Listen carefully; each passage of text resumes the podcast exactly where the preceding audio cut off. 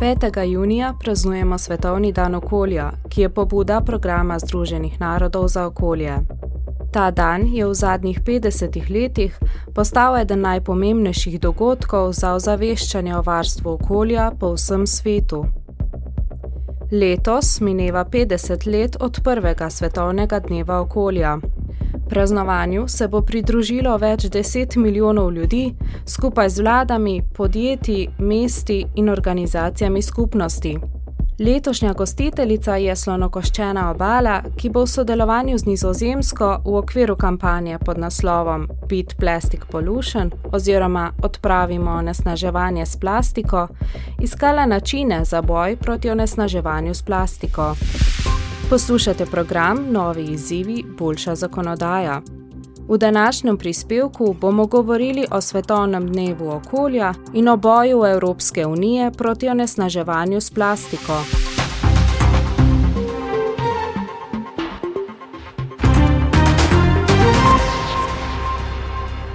Ob Svetovnem dnevu okolja opozarjamo na trenutno najbolj pereče okoljske izzive, Letošnja kampanja je posvečena navdihujočim in inovativnim ukrepom, s katerim si po vsem svetu prizadevamo za odpravo plastičnih izdelkov, ki povzročajo onesnaževanje, a se jim je mogoče izogniti.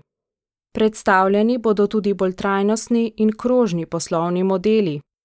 Dogodek vsako leto gosti druga država. Letošnja gostiteljica pa je slonokoščena obala v partnerstvu z Nizozemsko. Onesnaževanje s plastiko je mogoče odpraviti le z usklajenim mednarodnim ukrepanjem.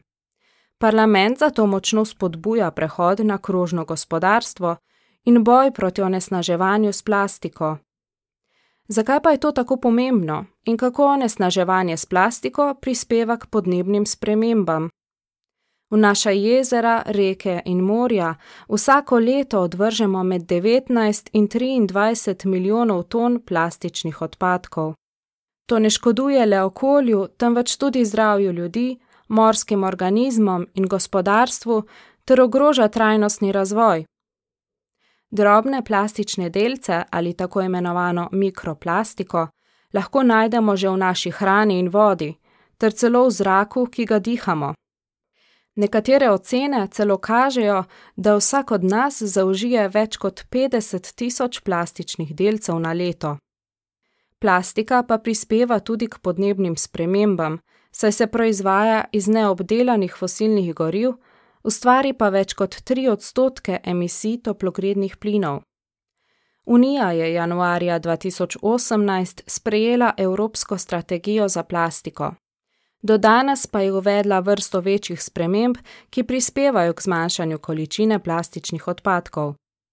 Določila je pravila o morskih odpadkih in z direktivo o plastičnih vrečkah dosegla znatno zmanjšanje uporabe plastičnih vrečk v več državah. Evropska strategija za plastiko je del akcijskega načrta za krožno gospodarstvo iz Evropskega zelenega dogovora. Temelji na že obstoječih ukrepih, Njen cilj pa je zagotoviti, da bo do leta 2030 vso plastično embalažo mogoče ponovno uporabiti ali reciklirati na stroškovno učinkovit način. Največji delež proizvodnje plastike v Uniji, kar 40 odstotkov, predstavlja embalaža.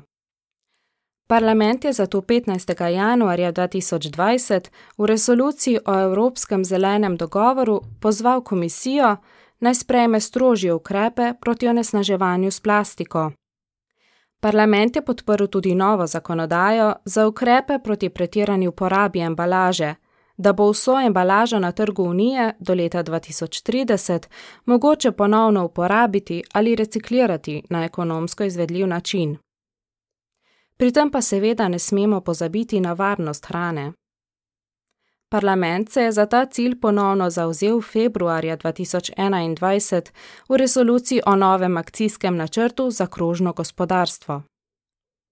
Komisija je novembra lani predlagala revizijo direktive o embalaži in odpadni embalaži, pri čemer je krovni cilj, da bi količino odpadne embalaže do leta 2040 v primerjavi z letom 2018 zmanjšali za 15 odstotkov. Predlog vključuje tri glavne cilje. Prvi je preprečiti nastajanje odpadne embalaže, tako da zmanjšamo njeno količino, omejimo nepotrebno embalažo ter si prizadevamo za embalažo, ki jo je mogoče ponovno uporabiti in napolniti. Drugi cilj je spodbuditi visoko kakovostno recikliranje, da bi do leta 2030 na stroškovno učinkovit način omogočili recikliranje vse embalaže na notranjem trgu. Želimo pa tudi zmanjšati potrebo po primarnih naravnih virih in vzpostaviti dobro delujoč trg sekundarnih surovin, ter z obveznimi cilji povečati uporabo reciklirane plastike v embalaži. Strategija za plastiko je bistveni element pri prehodu Unije na oglično neutralno in krožno gospodarstvo. Prispevala bo namreč k uresničevanju ciljev trajnostnega razvoja do leta 2030 ter pariškega sporazuma o podnebnih spremembah, pa tudi lastne industrijske politike Evropske unije. Hkrati pa naj bi izboljšala varstvo okolja ter zmanjšala količino morskih odpadkov, emisij toplogrednih plinov in našo odvisnost od uvoza fosilnih goriv. Glavni cilj evropske politike za plastiko je preoblikovati način zasnove, proizvodnje, uporabe in recikliranja plastičnih proizvodov, ter tako pospešiti prehod na trajnostno gospodarstvo na področju plastike. Podpira tudi bolj trajnostne in varnejše vzorce potrošnje in proizvodnje plastike, ter spodbuja nove priložnosti za inovacije, konkurenčnost in delovna mesta. Ne nazadnje pa je politika glede plastike tudi primer dobre prakse za preostale države. Čeprav lahko plastika negativno vpliva na okolje in zdravje ljudi, jo pogosto uporabljamo v vsakdanjem življenju in tudi v gospodarstvu.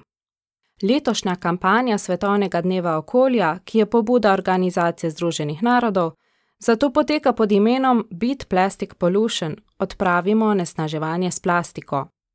Tako naj bi izboljšali okoljsko ozaveščenost in ukrepe za varstvo okolja po vsem svetu.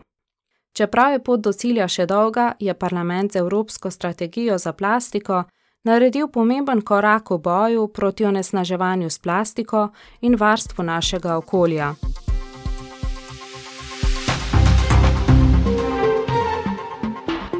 To je prispevek Evropskega parlamenta. Več informacij je na voljo na našem spletnem mestu